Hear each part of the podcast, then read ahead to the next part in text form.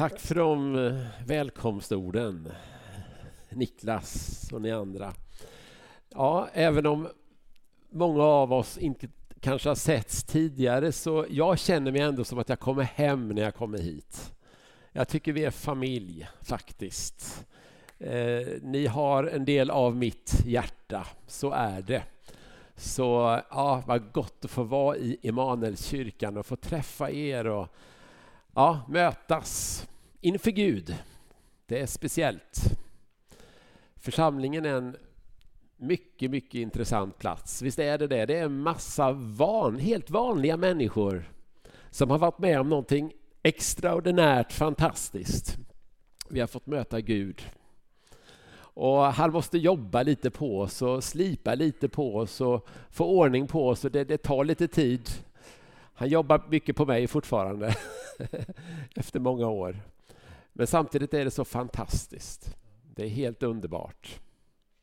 Jag gillar den här eh, liknelsen med värmefläkten här.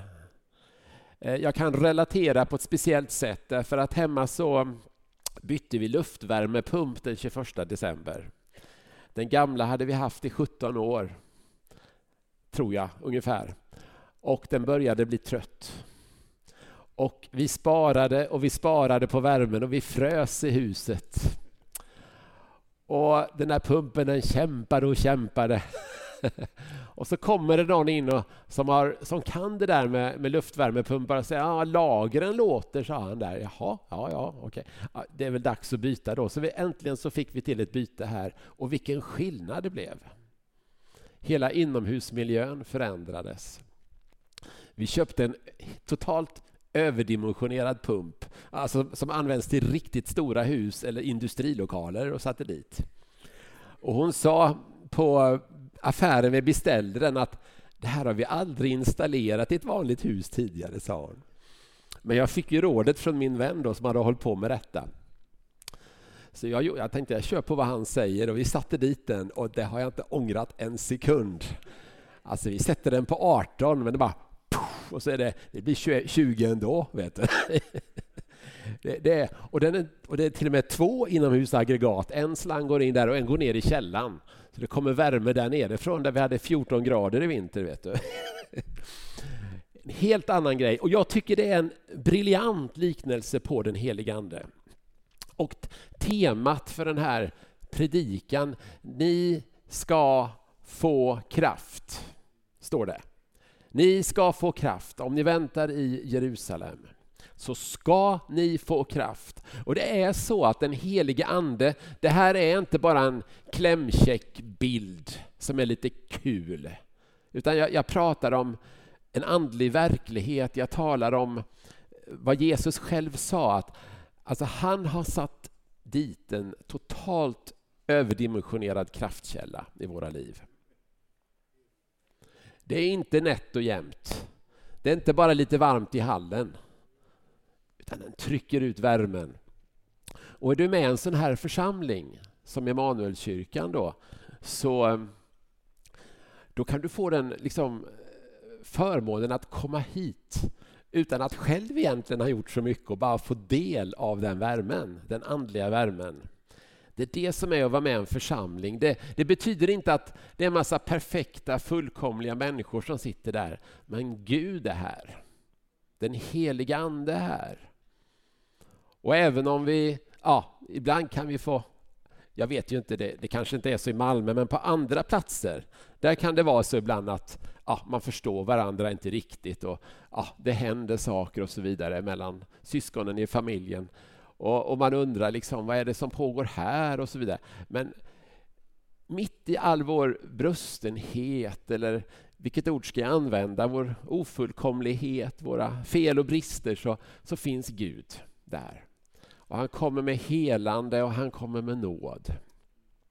Och Vi ska tala en del om Guds helande kraft idag. Vi ska tala om hur han han, han längtar mer än vad du gör efter att få röra vid dig. Han, han vill förvandla din situation. Och Du kanske lämnar kyrkan här idag och sen går du hem till en familjesituation som är övermäktig. Kanske en ekonomisk situation som du, du ser ingen utväg. Det, det är kört liksom. Eller du kanske brottas med en situation med chefen på jobbet. Att han eller hon inte förstår dig eller lägger saker på dig som du inte borde få lagt på dig. Jag, jag vet inte din situation. Jag bara talar ut så här allmänmänskliga saker. Va? Som, eh, man behöver inte vara profet för att det ska träffa någonstans i en samling i den här storleken. Men, men Gud vill hjälpa dig i detta. Han vill gå med dig och han, han vill tala till dig och han, han vill ge dig lösningar på olika situationer du befinner dig i. Hemmet, arbetsplatsen, äktenskapet, syskonen, församlingen. Och Det är därför att han har gett oss kraft. Han har gett oss en kraft genom den helige Ande. Han har installerat en luftvärmepump som är totalt överdimensionerad så att det värmer upp ditt liv. Jag älskade den, eh, det du sa där i början. Väldigt, väldigt bra. Ja, just det. Tom. Heter han Tom, dockan? Tack, Tom. Det är viktigt att ge cred dit det hör hemma. Det var bra att mikrofonen fungerade till slut också. där. Han försökte och försökte. Till slut gick den igång. Mm. Ja. Som sagt, jag heter John Derneborg, jag bor i Vänersborg. Det tar ungefär fyra timmar att åka dit. Det ligger en sjö som heter Vänern. Och eh, Jonas, du har varit där flera gånger sa du till mig nu, när vi satt jämte varandra. Nästa gång så får du ringa så vi kan ta en kopp kaffe. Ja, det är en ganska mysig liten stad. Du har varit där Kim också? Ja, kanske du också Niklas någon gång? Ja, du vet inte? Nej, det finns mer att uppleva i livet. Ja ja. Du har det, just det. Ja. Nej, men det är, det är en liten mysig stad kan man säga. Vid, eh, och jag kommer ihåg när eh, vi skulle ha den första, inte den första New Wine-konferensen, alla kategorier. New Wine är en sommarkonferens i ett tvärkyrkligt nätverk som heter New Wine då med olika kyrkor. Men när vi skulle ha den första i kommunen, vi hade haft det på andra platser, 2009 tror jag det var, då, då, hade vi, då mötte vi på lite patrull från en pastor i Halmstad, en mycket god vän till mig som heter Per-Eive Berntsen. Mycket god vän. Och han sa att nej, vi kan inte ha, vi måste ha det vid havet. Alltså man kan inte ha om det inte finns en riktig strand. Och jag försökte förklara för honom, det finns jättefina stränder vid Vänern. Nej, sa han, det är bara en insjö. Det ska vara vid havet, sa han så här då. Okay. Unge, det, det, var inte ordagrant så som samtalet gick, men ungefär så. Ja, The Message Bible, precis. Och... Eh, men efter vi hade haft första sommaren, då kom han, han är ju ödmjuk Per och sa John, du hade faktiskt... Ja, ja, det gör ont, men jag måste ge dig rätt, sa han. Jag måste ge dig rätt, sa han. Så här, vet du, för för det, det var är fantastiska stränder för att vara en insjö, sa han. Det, det, och det, det är riktigt lång, liksom långgrunt och, och stort och fint. Flera fina stränder. Så har ni vägen förbi den vägen, så stanna gärna till. Och, på sommaren är det väl att föredra kanske. Då. Ja, men ni ska få kraft. Är det någon som vill höra en predikan om Guds kraft här idag? Det är några stycken. Ni andra, ni kan ta en tupplur. Min bön är att ni ska vakna välsignade. Wow, vad har jag varit med om medan jag sov?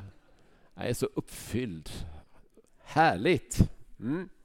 Men jag tänker vi ska titta på Davids liv lite här, för han var en person som Gud använde och vi ser andliga principer i hans liv. Och eh, vi läser från Andra Samuelsboken, femte kapitlet, vers 19. Och där står det om David att när filisteerna hörde att David hade blivit smord till kung över Israel drog de alla upp för att söka efter David. När David hörde det gick han ner till borgen. Filisteerna hade nu kommit fram och spred sig i Refaimdalen. Vers 19. Då frågade David Herren Ska jag dra upp mot filisterna? Ger du dem i min hand? Herren svarade David, dra upp, jag ska ge filisterna i din hand. Vers 20, så kom David till Baal Perasim och där besegrade David dem. Han sa Herren bröt ner mina fiender framför mig som en flodvåg. Därefter fick platsen namnet Baal Perasim. Filisterna övergav där sina avgudabilder och David och hans män förde bort dem. När filisterna drog upp igen och spred sig i Refaimdalen Ja, de gjorde det igen, står det. Men de drog upp igen. Okej. Okay. När David då frågade Herren, sa han, du ska inte dra dit upp. Gå runt dem bakifrån och anfall dem från det håll där bakaträden står. När du hör ljudet av steg i bakaträdens toppar ska du genast rycka fram, för då har Herren gått ut framför dig för att slå filisternas här. Och David gjorde som Herren hade befallt honom. Han slog filisterna och följde dem från Geba ända ner till Geser. Och sammanhanget är ju att David har blivit smort till kung och då ska ju eh, fienden ska genast utmana honom. Han, han, är, han är liksom ung. Han är oprövad. Och då vill kungen, då vill fienden testa om det håller. Då rycker de fram. Det är lite grann som jag, jag låg faktiskt och sträcklyssnade på tio poddar i somras på semestern om stormaktstiden, svenska stormaktstiden. Det var, vissa saker kommer jag ihåg från skolan, vissa nya saker lärde jag mig. Men jag märker ju om och om igen att eh, även om det här är inte är en tid som någon av oss skulle vilja leva i, det kan jag garantera. Det var diktatur i Sverige.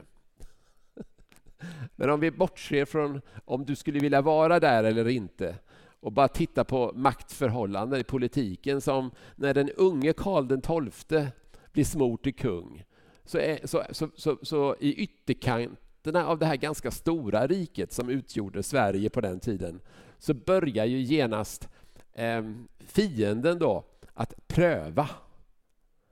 Nu tar vi, nu, då vill man ta fördel av den här unge 17-18-åringen.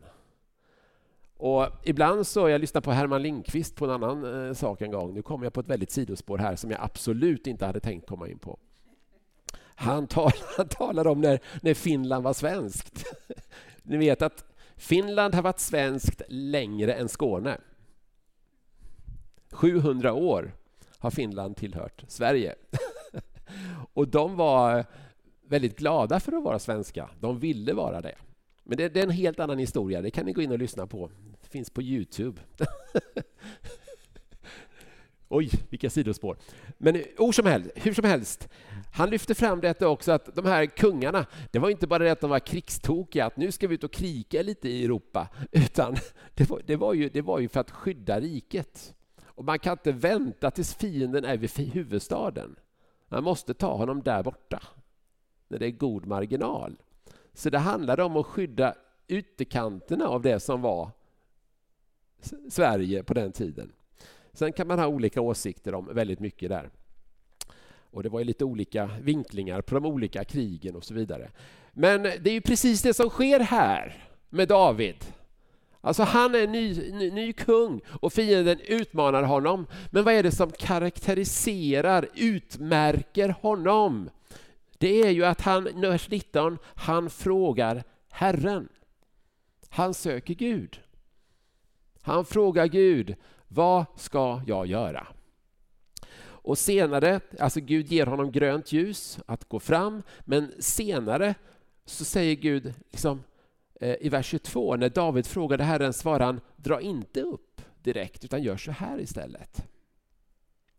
Men vi ser den andliga principen att fråga Herren. Så jag skulle vilja säga att den som Gud kan använda att, att i, i sitt rike, Vare sig det är att förmedla helande eller kraftgärningar eller i ledarskap eller vilken uppgift vi än står i. Det är den person som söker Herren. Söker Herren. Det är så otroligt viktigt.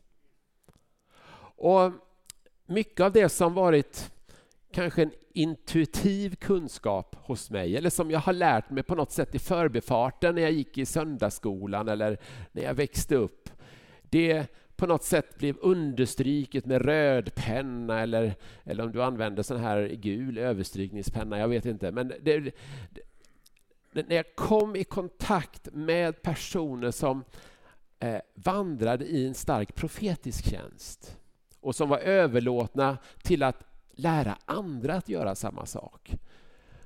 Då, fick jag det, då blev det så tydligt för mig att det är faktiskt det som är den totala skillnaden mellan framgång och ett misslyckande.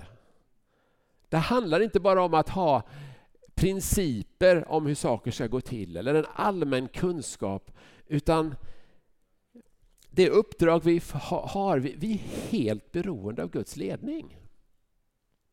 Det är väldigt skönt att Gud har sån omsorg om, om lilla John så att även när jag gör fel så är det inte kört för det. Han kan till och med använda mina misslyckanden till det bästa. Han ger mig en andra chans och han ger mig en tredje chans. Är, är ni tacksamma för att Gud är en Gud som ger oss en andra chans och en tredje chans? Det, det, det gör han. Så vi pratar inte om att, eh, att Gud sitter där och väntar på att sätta dit dig om du gör fel, om du missar honom. Men han, han vill. Det, det är mer som en GPS. Då. Att du kör fel, men så hittar han en ny väg fram. Men det finns också ett allvar. Ibland är det väldigt mycket som står på spel. Så priset kan också bli väldigt högt.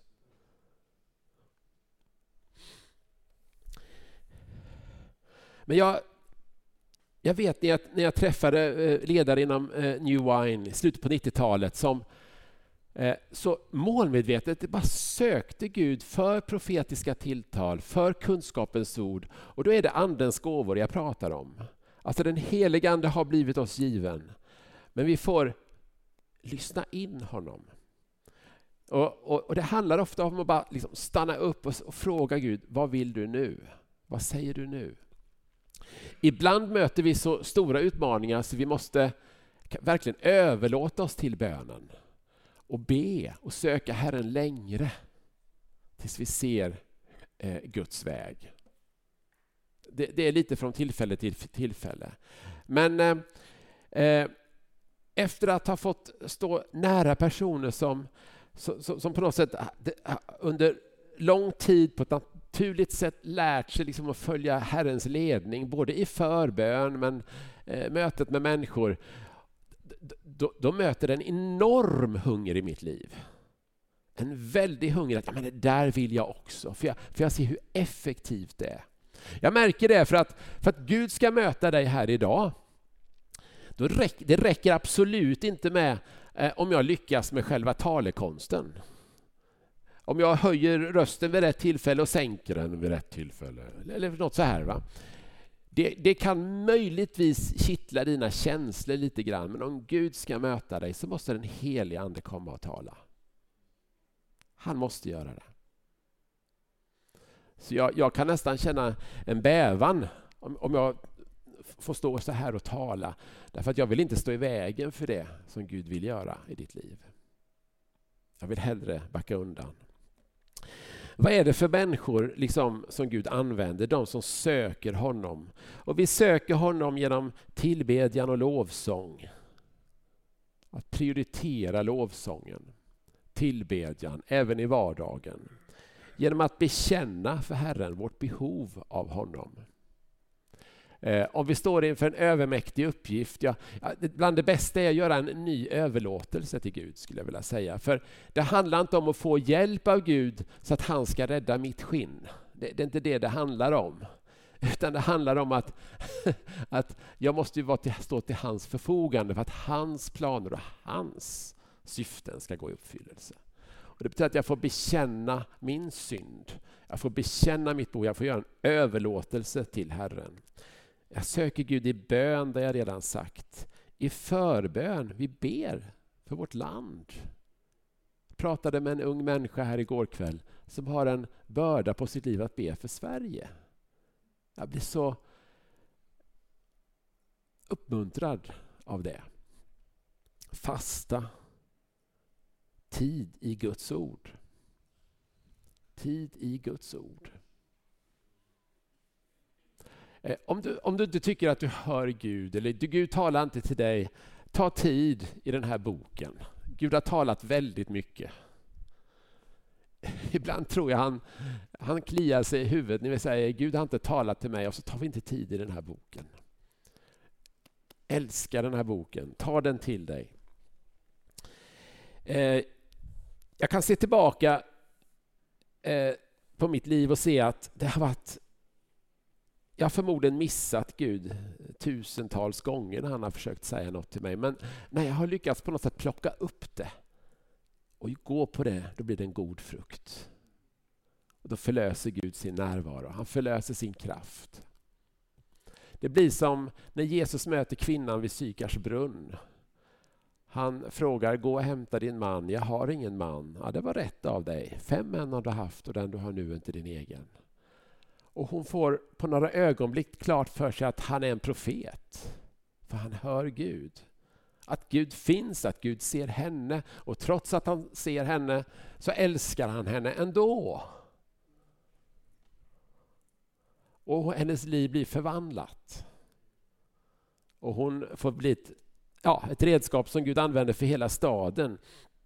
Och eh, som sagt, jag kan se det i mitt eget liv också. Jag, jag minns när jag gick på högstadiet. Jag växte upp i Huskvarna. Jag minns mina föräldrars glasbalkong och hur jag satt på den ofta. Bara för att jag hade en sån, jag hade faktiskt en hunger efter Gud. Att söka honom, att höra hans röst. Och bland det, det är en svindlande tanke, jag vet det, men så kunde jag uppfatta att han talade till mig. Och det var ur de stunderna som jag bara fick en sån intensiv längtan att det här måste jag få dela med mig av till andra. Andra människor måste få smaka det jag smakar här. För det är så fantastiskt. Och jag, jag kunde tänka mig att göra både det ena och det andra i livet, för jag, jag hade otroligt många intressen. Men någonstans så läggs det en, en kallelse över mitt liv att bli vad, du, vad skulle du kalla predikant eller förkunnare. Men samtidigt så, så sa, jag, sa jag faktiskt till Gud att det där, om det, om det är din väg, då måste du ordna det från början till slut. Jag, jag går åt det här hållet ändå, men du får leda mig rätt. Men samtidigt så hade han lagt ner det i mig. Och jag tänker, finns det en längtan i ditt liv att, att gå med Gud oavsett var han leder dig? Att söka hans ansikte, då kommer han leda dig rätt. Även om du en slant han dit och en slant han dit ibland så tar han hand om dig och han leder dig rätt. Efter gymnasiet så tog jag jag visste inte vad jag skulle göra, så jag ansökte till en utbildning i Uppsala, flyttade upp där. Men jag förstod nästan omedelbart att jag hamnat fel. Jag vet inte om det är möjligt nu för tiden, men på ett par, någon vecka var jag inskriven på fy, fyra olika utbildningar. Jag tänkte, jag är fel, jag är fel, jag är fel. Ändå hade jag varit väldigt studiemotiverad några månader tidigare. Men det, det är inte rätt. Det var som någon dratt ut proppen. Och sen hamnade jag i England på en lärjungaskola med YOM fem veckor senare. Och då känner jag, nu är jag i Guds vilja. Och det var rätt för mig, det kan vara någon helt annan väg Herren har för dig. Men Gud leder oss rätt när vi hungrar och när vi leder oss. På den tiden var det ju ni vet, obligatorisk värnplikt, så då gjorde jag det. Efter det så ledde Herren mig till en pastorsutbildning. Men, men det, var, det, var, det var lite kurvig väg, det var det. Men Gud leder mig och Gud leder dig. Jag skulle vilja säga att det finns ingen gräns på vart Gud kan föra dig om du söker honom. Det är absolut inget problem för Gud att flytta dig från Malmö till Thailand, eller USA eller Kina. Inget problem överhuvudtaget. Om du söker honom. Eller om han vill du ska vara kvar i Malmö. Jag vill tala till dig som är ny i tron eller, eller som är ung. Begränsa inte Guds förmåga. För han kan göra. Och jag, har, jag, har, jag hade alltid det här i mig. Och jag vet inte, det kan ju höra samman med kallelsen, men det är ju väl förankrat i ordet att jag hade en sån längtan att jag ville se Guds kraft. Och det var för att jag själv hade behövt Guds kraft till befrielse och helande. Men jag hade en intensiv längtan efter att få se Guds kraft. Och se den liksom förlöst på olika sätt. Och Herren i sin godhet lät mig komma i kontakt med olika personer. I Sverige, England, USA har jag varit några år och så tillbaka. och så Du vet, olika. Gud har en unik väg för, vem, för oss alla. Han vet precis vad, vad som är bäst för oss.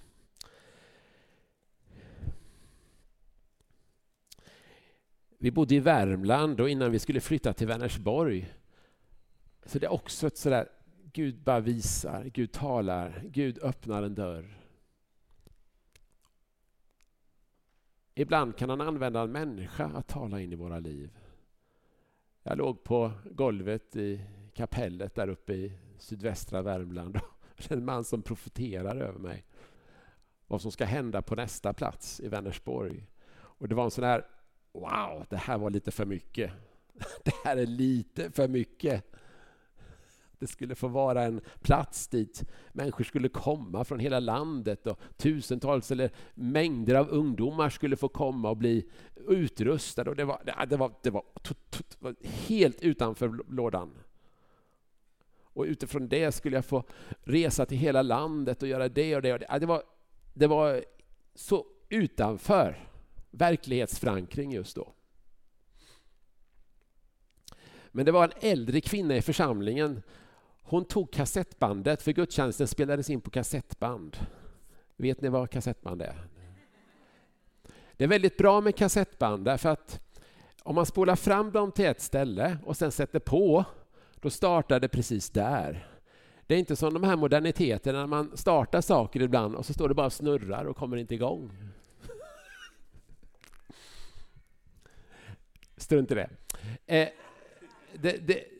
Jag är tacksam för den moderna tekniken, den är överglänser. Men hur som helst, hon tog det utan att jag visste om det och så skrev hon ner hela profetian och gav den till mig efteråt. Så. Hon är hemma hos Herren sedan många år tillbaka nu. Men jag gick tillbaka till den här dagen och jag tänkte allt som står där har gått i uppfyllelse och med rågor, råge. Med råge. Gud gör vad han måste för att tala in i våra liv. Och det vill han göra med dig också. Gud använder dem som stannar upp och lyssnar. Eh, vi ska läsa vidare lite här i första Samuelsboken. Eh, det trettionde kapitlet. Då läser vi vidare att David i vers 7. David var i stor fara för folket hotade att stena honom. Så förbittrade var alla, var och en för sina söners och döttrars skull. Det var så att medan de varit ute på ett uppdrag så hade fienden kommit och tagit fru och barn och egendomar från soldaterna. Men David hämtade kraft hos sin Gud. Ni ser vad han gjorde. Snacka om att vara i en, i en svår situation. Och jag har inte bokstavligt varit utsatt för hot att bli stenad. Men ibland har det känts så nästan, alltså att nu, nu blir jag stenad. Och då är det bra att komma ihåg att vi får hämta kraft hos Gud. David sa till prästen Ebiatar, Ahimeleks son, bär hit i foden till mig. Då kom Ebiatar med foden till David. Och så står det vers 8 David frågade Herren. Ska jag jaga rövarbandet? Kan jag hinna upp dem? Herren svarade, jaga dem för du kommer att hinna upp dem och rädda alla.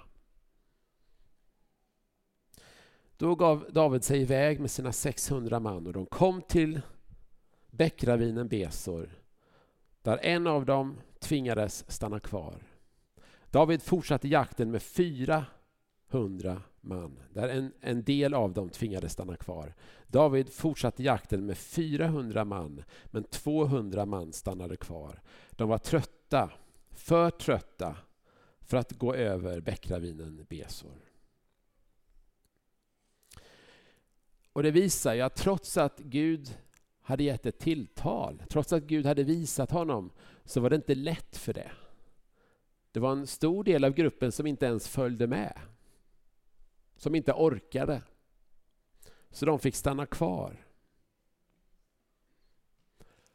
Och så kan det vara ibland. Och jag, jag vet att detta är det här är så komplicerat att omsätta i praktiken så jag, jag vet inte.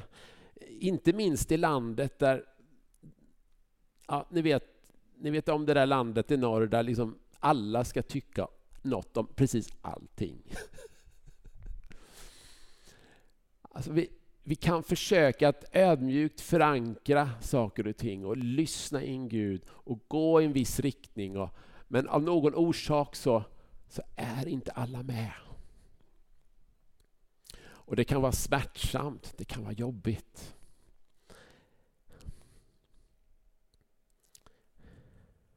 Och ibland så blir det så i, i en församling också. Att eh, vi upplever att vi kanske ska, vi ska göra en insats på ett område, kanske ett utsatt område. Eller vi ska göra detta, eller vi ska ta det här initiativet. Och, och, och det blir spänningar av olika slag. Det verkar som att det är ofrånkomligt. Det var i alla fall ofrånkomligt för David. Sen hoppar vi vidare fram då. Eh, jag ska bara hitta här. Vers 22. Han hade fortsatt jakten med 400 man. Och han vann seger. Han får segerbyte och han får fruarna och familjerna med tillbaka. Och I vers 22 står det, men alla onda och illvilliga män bland dem som hade följt med David tog till orda och sa, eftersom de inte följde med oss Tänker vi inte ge dem något av bytet som vi har räddat? Nej, var och en får ta sin hustru och sina barn och gå. Men David svarade, så ska ni inte göra mina bröder. Men det som Herren har gett oss, han bevarade oss och gav rövarbandet som anföll oss i vår hand. Och vem lyssnar på er i den här saken? Nej, de som drar ut i strid ska ha samma lott som de som stannar vid trossen. De ska dela lika. Så blev det från den dagen och i fortsättningen, för David gjorde detta till lag och rätt i Israel, så som det är än idag. Det blir oegentligheter, lite avundsjuka, kiv, och David får på något sätt navigera i allt detta. Och Jag tror inte det var enkelt. Men han gjorde sitt bästa som ledare. Vi vet att han hade karaktärssvagheter och han gjorde misstag. Bibeln är ju jättetydlig med det. Men det var ändå någonting som utmärkte honom, att han sökte Gud och ville ha hans ledning. Sen om vi tar ett stort hopp framåt i livet, längre fram Eh, vi går många år framåt och läser från vers 23. Det är det sista jag ska läsa nu om detta. Jag vet det är mycket textmassa här, men det, det innehåller sådana guldkorn, så jag vill bara lyfta fram det. Då står det uppräknat Davids hjältar. och ni vet, det står om i vers 8 i Andra Samuelsboken 23. Josheb, Barsebet, en takemonit vilka härliga namn de har. Den främsta av kämparna. Han svängde sitt spjut över 800 slagna på en gång. Och så står det om Eliasar, son till Dodi, son till en Ahoait. Han var en av de tre hjältar som var med David när de hånade filisterna som hade samlats där till strid. Israels män drog sig tillbaka, men Eliasar höll stånd och angrep filisterna tills hans hand var så trött att den satt som klistrad vid svärdet. Herren gav en stor seger den dagen och folket vände om efter Eliasar, men bara för att plundra. Ja, hur som helst. Eh, vad jag säger är att David hade det inte lätt. Han gjorde ju så gott han kunde, men men ändå, om man ser det långa perspektivet så växte det upp hjältar runt omkring honom. Och, ja, och det, det, det måste vi komma ihåg när vi är med varandra. Och ibland ser vi varandras fel och brister och vi ser problemen och, och vi ser utmaningarna. Men om vi söker Herren så kan han använda allt det där och han kan göra någonting vackert av det. Något riktigt vackert. Och det, det, jag, det, det, de tankar som kommer till mig när jag läser, läser detta, det är ju framförallt att ledarskap är inte enkelt. Men, alltså människor då, som vi är satta att leda eller samarbeta med, det, det är just människor. Och de gör det frivilligt.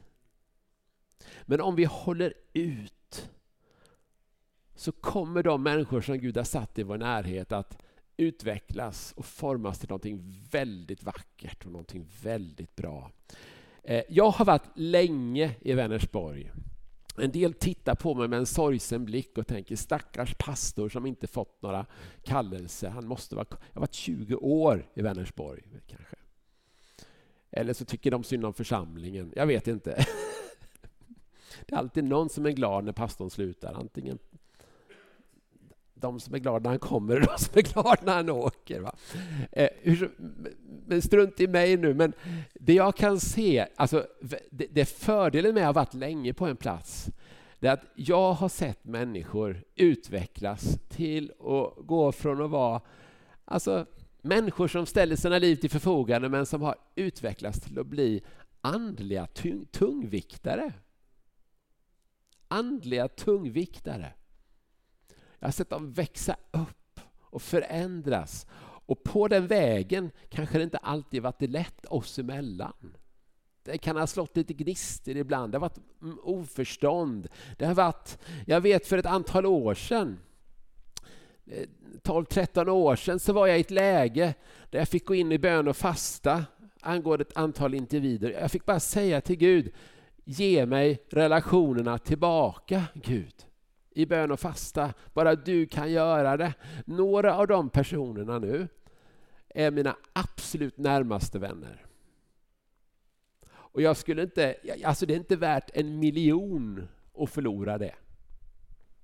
Det är värt allt. Och jag tror lite det som David känner när han står här med sina hjältar i slutet. Sen har jag naturligtvis eh, eh går man igenom sorger också. Det har varit människor som har lämnat på vägen, kanske gått på ett annat håll och så vidare. Och, ja, och det, så det, det, är aldrig enkelt. Men jag vill, jag vill lyfta fram här att om vi söker Herren så gör han någonting. Och jag tänker som Johan och Kim, vi har känt varandra i många år.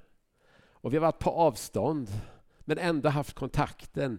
Och jag känner, alltså, vår relation är bättre än vad den någonsin har varit. Den har aldrig varit dålig egentligen. Men, men eh, det, det, alltså det är så dyrbart.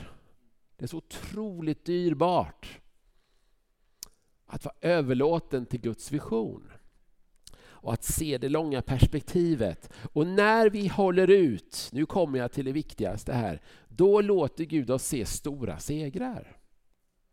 Då låter han oss se genombrotten. Jag vet, ibland kan man få kämpa för att kanske, vi, vi pratat mycket om Andens kraft här idag, Guds övernaturliga ingripanden. Eh, ibland så kan man tycka att man får vara glad om det händer något lite och vi ska vara tacksamma för det lilla. Men är vi trogna i det lilla så får vi se genombrott på genombrott. Och historiskt har jag sett, jag är så tacksam över bara eh, de där stora genombrotten också. Vi måste få glädja oss åt det också. Alltså, de där stora segrarna. Det, det, är inte lätt för mig att hålla på HV71 den här säsongen. Men det är i alla fall ett lag som ligger bakom. Förlåt. Om det inte ändrades i natt så att vi, HV ligger sist. Ni kanske inte följer med hockey, jag vet inte. Jag skojade en sån sak en gång i Karlstad och det skulle jag aldrig gjort om Färjestad. Hela publiken ställde sig upp och buade. Jag gjorde samma sak i Örnsköldsvik och Modo en gång. Det skulle jag aldrig gjort. Alltså. Det var, det, jag fick betala dyrt för det. Jag lovar mig, gör aldrig, jag lovar mig att aldrig göra det igen. Jag har gjort det för tredje gången. Alltså. Det, det var, jag, jag har inte tillräckligt med karaktär. Ja, det är ett skämt. Det är lite, jag, jag, jag gör det med glimten i ögat. Jag älskar er och jag hoppas ni fortfarande älskar mig. Men Gud vill låta oss se stora segrar. Gud vill låta oss se stora genombrott. Och det börjar med att vi, du ber för någon, du profeterar för någon, du är trogen i det lilla. Men så plötsligt så får du se att det bryter igenom något stort. Plötsligt händer det ett genombrott. Plötsligt så får du se eh, Gud göra stora helanden. Och du, och du nästan, jag berättade om några igår kväll här, man blir nästan bara förvånad efteråt. Vad var det som hände egentligen? Jag hänger inte med. Alltså, Gud överraskar oss på det sättet. Gud överraskar oss. Jag, jag skulle bara vilja ta några exempel till slut när Gud har överraskat mig med sin kraft. Därför att det har varit wow! Men då ska, då ska ni veta att det är inte alltid så. Det är inte alltid så. Eh, det första, kan vi lägga upp första bilden? Eh, det är hon, ja precis ja, Maria. Är det någon som känner henne här inne? Det är flera som gör det. Jag har bara träffat henne några ögonblick. Vi hade New Wine regional eh, nätverksträff i Jönköping. I, och du var med där Kim också. Och då kommer hon fram till mig, precis som vi hade här igår. Vad värdefullt att få träffas och uppmuntra varandra. Det kom människor här från Bornholm, och Karlskrona, och Göteborg och Halmstad och olika platser. Fantastiskt arrangemang. Tack Emanuelkyrkan! Vad viktigt detta är. Men vi hade en sån träff i Jönköping, Kungsporten. Hon kommer fram och då påminner hon mig att seminarierna på sommarens New Wine-konferens i Vänersborg för ett drygt halvår sedan. Vi hade ett par stycken seminarier om helande och Gud bara bröt igenom. Alltså jag, jag tror inte jag, på de två seminarierna, jag tror det kom åtminstone 35 konkreta vittnesbörd om helande. Folk som kom fram och sa detta hände, detta hände. Jag behövde inte truga, det bara strömmade fram människor. Och det var vittnesbörd på vittnesbörd på vittnesbörd. Och, och hon säger eh, så här att jag jobbar som sjuksköterska. Hon är med i en eh, stor EFK-församling i Linköping. Eh, med där. Hon hade fått eh, eh, hon hade svår artros i ena foten. Hon hade fått det bekräftat och det varit med sjukvården och, och skulle påbörja behandling. Jättebesvärligt. Hon kommer till det här seminariet och det blir som ett fyrverkeri av helande. Det blir helande så här bara. Och hon blir fullständigt helad i somras. Det bara försvinner, så foten är som ny. Jag är själv sjuksköterska, så sjuksköterska. Jag, jag, bara, jag blir totalt bra bara sådär. Och jag, jag tycker ett sånt där minne, det är, sådär, det är ett sånt där minne som smakar gott. Och, och, man får liksom smaka lite, lite på va? hur det var när Jesus gick omkring. Ni vet, vi kan läsa om när han kommer till Kapernaum och alla som rörde vid hans mantel blev helade. Så var det ju inte, men, men alltså kommer det fram 20 pers i ett seminarium efter vi har bett i tio minuter, då, då, då tycker man ändå att det, det är ändå en hygglig utdelning. Så. Alltså man får ändå vara glad. För deras skull, naturligtvis. Ja. Vi tar nästa bild här. Felicia, känner ni Felicia? Hon bor i Lysekil. Precis innan pandemin skulle slå till, bara någon vecka eller två innan restriktionerna slog till 2020, så hade vi bjudit in till en sån här utrustningsdag i Vänersborg. Och det var packat med folk och det var så mycket hungriga människor.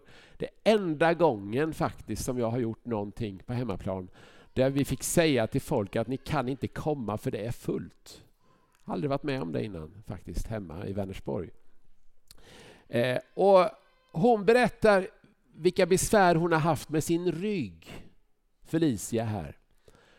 Och hon jobbar på ICA eller vad det var och sitter i kassan och det är så besvärligt med ryggen. Men när hon står i lovsången, vi ber inte ens för henne, vi har undervisat om befrielse i det seminariet. Man kan bli befriad från saker och ting. Då känner hon som vatten vatten som bara flödade genom ryggen. Så det var som att det kom ett vatten genom ryggen och så blev hon fullständigt helad. Och det var ett och ett halvt års smärta. Och vi hann inte ens att be för henne. Jag tänker, vilken seger!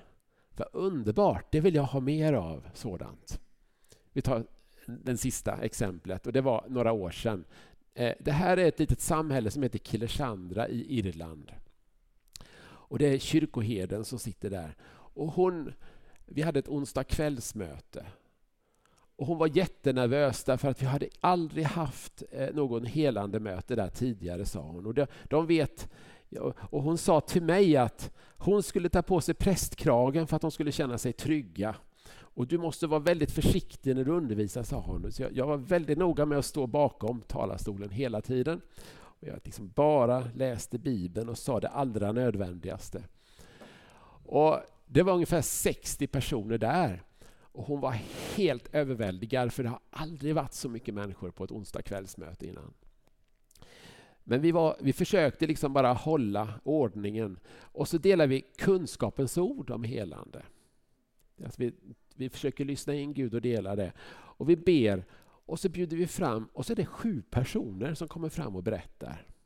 Och det är bland annat en katolik som satt tre timmar på akuten, väntsalen där och tyckte att det var väldigt vilken tid det tar. Och så läste han tidningen att det skulle vara en helande gudstjänst i den här protestantiska kyrkan på andra sidan gatan. Så han kommer in där, kan knappt gå. Men Gud helar honom fullständigt. Han blir fullständigt helad i ryggen. Och det är vittnesbörd på vittnesbörd på vittnesbörd. Och till slut är det en liten gumma och hon pratar med en irländsk dialekt som jag inte kan förstå knappast. Och hon säger så här i alla fall, att jag inte hört ett ord i hela predikan, sa hon här. Men nu hör jag perfekt, sa hon så. Och när hon gav det vittnesbördet, då kan jag säga att det hände någonting. Det var som en våg som gick i samlingen. Folk stod upp och applåderade så här, vet du. Jag behövde inte säga ge Jesus en applåd eller sådär, du vet. Nu, nu står vi upp tillsammans. Utan det blev en sån glädje som förlöstes. Och killen som var med oss eh, på gitarr och ledde lovsång, han hade följt med, för det fanns ingen lovsångsledare på plats. Han började en lovsång och folk de klappade händerna, de dansade i, i gångarna och, och, en timme senare var vi genomsvetta allihopa där inne. Därför att Gud kom och rörde vid människorna. Det blev sån glädje över Guds godhet, att Gud kom. Och den glädjen vill jag förmedla till er idag här också. Att den är lika verklig. På samma sätt som fläkten har värmt upp här så är du under påverkan av Guds kärlek och Guds härlighet hela tiden. Bara att du har suttit här inne, även om du har ogillat predikan, så är du fortfarande utsatt för Jesu kärlek. Han älskar dig. Han, han, han, han, han försöker nå fram till ditt hjärta. Och han, han uppmuntrar dig och han möter dig mitt i sin svaghet.